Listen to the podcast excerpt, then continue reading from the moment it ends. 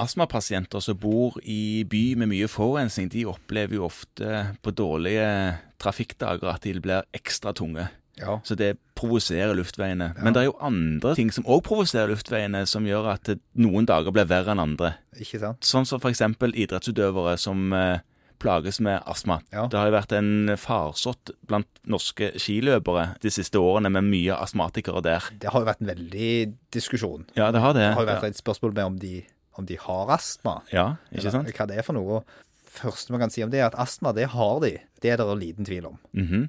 Det er mange faktorer som spiller inn på dette. Ja. Den ene er det at hvis du driver toppidrett med kondisjonspreg, altså syklister og skiløpere og andre som er avhengig av kondisjonen, og har tendens til å få astma, altså hvis du på en måte har muligheten til det, så vil en sånn type hard kondisjonsbelastning være helt sikker på å utløse symptomer av den astmasykdommen. Nettopp. Så hvis du på en måte hadde vært veldig god til å spille spill på PC, så setter ikke det helt de samme kravene til lungefunksjonen. Nei, de gjør jo ikke det.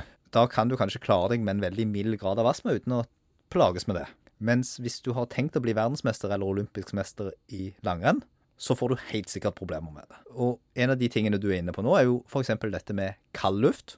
Også det at når man driver med kondisjonsidrett, løpet, Ja. altså det er til og med på fotballbaner eller i ishockeyhaller eller lignende, Da går jo luften fortere inn og ut. man flytter mye mer luft inn og ut. Ikke sant? Og, og i tillegg så slutter man å puste gjennom nesen. Og nesen hos de fleste av oss, i tillegg til å skulle se pen ut, har en funksjon i å filtrere luft. Den gjør to ting. Den filtrerer, og den varmer opp luften. Og gir mindre irritasjon i lungene. Sånn at når man da begynner med munnpusting, det gjør de aller fleste når du øker belastningen over en viss grad, så trekker man luft ufiltrert ned i lungene. Og da får man i seg flere sånne irritanter, og man har mye større tendens til å utløse astmaanfall. Men det forutsetter jo at du har en tendens til å kunne få astma i utgangspunktet. Ja, du må jo ha hyperreaktive luftveier, som er det en astma er. Ja. Så du må ha grunnlag for en sånn betennelse, og du må ha hyperreaktive luftveier. Sånn at det å trene på seg en astma, hvis du ikke hadde tendens til å få det i utgangspunktet, det er omtrent umulig. Ja, ikke sant? Ja. Men har du tendens, så er den eneste sikre måten på en måte å få det utløst på, det er jo å bli langrennsløper og gå i mye minusgrader, gjerne nært en by.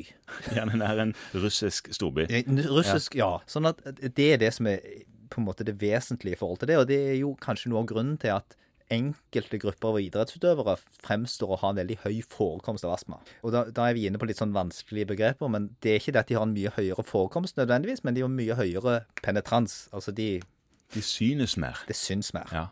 Alle slår ut.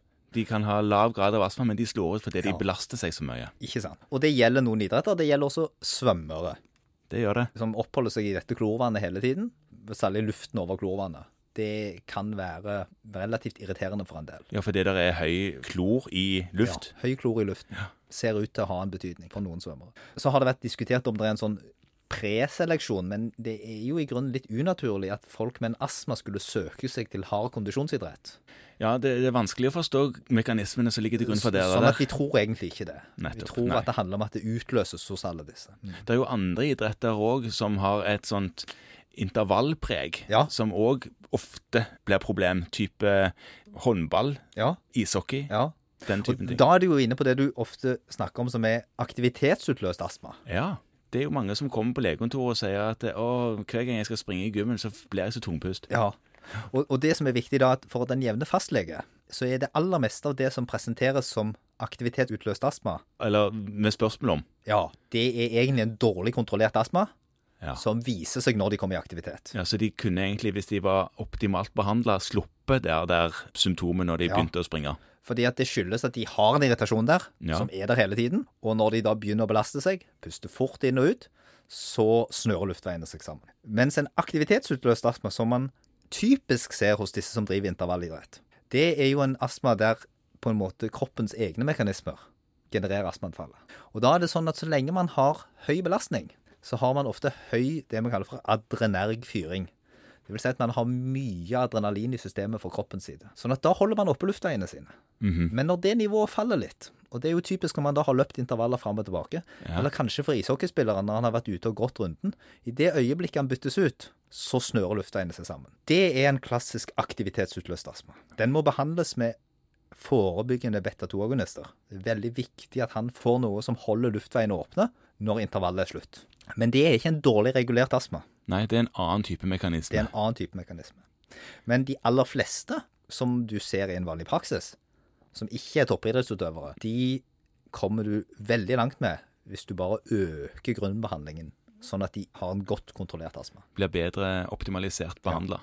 Og så er det jo alltid spørsmålet fra disse idrettsutøverne om de kan bruke astmamedisinen sin med tanke på dopingregler. Ja, Og det kan de jo vanligvis. det kan de. Nesten alle astmamedisiner er nå i det vi kaller for terapeutiske doser, som vil si at det er innenfor det som står i felleskatalogen, godkjent til alle idretter. Det er noen få unntak, og de vil du også i dag alltid få en såkalt TUV for, en sånn terapeutisk unntak. Men da må du huske å søke. Det har det vært noen saker på her i det siste med folk som har glemt å søke, Ja. Og da blir det tull. Og så er det jo sånn med dopingregler at eh, på høyere nivå så må man søke før man er i aktivitet og før man er i konkurranse, mens for lavere så er det ofte sånn at man kan søke dersom man blir kontrollert. Det stemmer. Men Sånn- sjekk med den som er ansvarlig for dette her i klubben. Sjekk med det som er ansvarlig. Og en sånn hovedregel som jeg ofte opererer med, er at du skal iallfall begynne å sjekke hvis du har tenkt å konkurrere på et nasjonalt nivå. Da må du iallfall sjekke. Da må du iallfall sjekke. Løkkefotball i fjerdedivisjon, det går ganske fint. Ja. Men, men har du tenkt å drive med noe organisert, sjekk det ut. Dobbeltsjekk det med legen din. Noen ganger må du til spesialist for å få godkjenninger på forskjellige ting. Nå snakker vi litt utover astma, så vær obs på det. Men da har vi snakket litt om aktivitetsutløst astma, og det som ikke er det, men som man tror kanskje kan være det. Ja. ja.